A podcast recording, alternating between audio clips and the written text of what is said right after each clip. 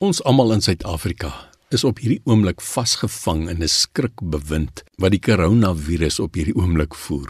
En ek dink die meeste van ons kyk maar met groot onsekerheid oor wat die toekoms vir ons gaan inhou na hierdie siekte, COVID-19, wat dit veroorsaak. In hierdie week se aandgedagtes werk ek aan 'n akroniem van die woord COVID-19. En ons is vanaand by die V van COVID. En toe ek nou dink aan toepaslike woorde wat almal met V begin, het ek ongelukkig heel eers aan die woord vrees gedink. En ja, dit is miskien so. Ons het almal maar 'n vrees oor waar gaan hierdie ding heen? Wanneer gaan dit ophou? En wanneer gaan die aaklige koronavirus nou doodgaan? Maar die tweede V is vrede. In Johannes 14 vers 27 verwys die Here Jesus na die Heilige Gees. Dan sê hy: "Vrede laat ek vir julle na. My vrede gee ek vir julle.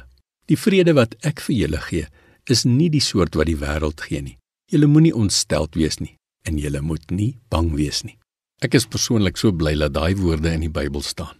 Dis nie woorde wat noodwendig sê hoorie ek sal jou vrywaar van die koronavirus en van die siekte nie. Daai woorde sê vir my, dit maak nie saak wat gebeur nie. Ek laat jou my vrede. Ek is by jou deur my gees. Ek is in jou en ek gee vir jou vrede ten spyte van jou omstandighede. In die konteks van ons akroniem staan V ook vir vertrou op die Here. Verenig in gebed, vurig. Die Bybel sê die vurige gebed van 'n gelowige het groot krag. Vergewe, vrygespreek deur Jesus se offer. Dit staan ook vir voorbegin. As ek en jy dalk in hierdie tyd wil kies om 'n nuwe verbintenis met die Here te maak. V staan ook vir versoen. Dit staan ook vir die verbond wat die Here met ons gemaak het, dat hy by ons sal wees. Die woord vesting het ook by my opgekom.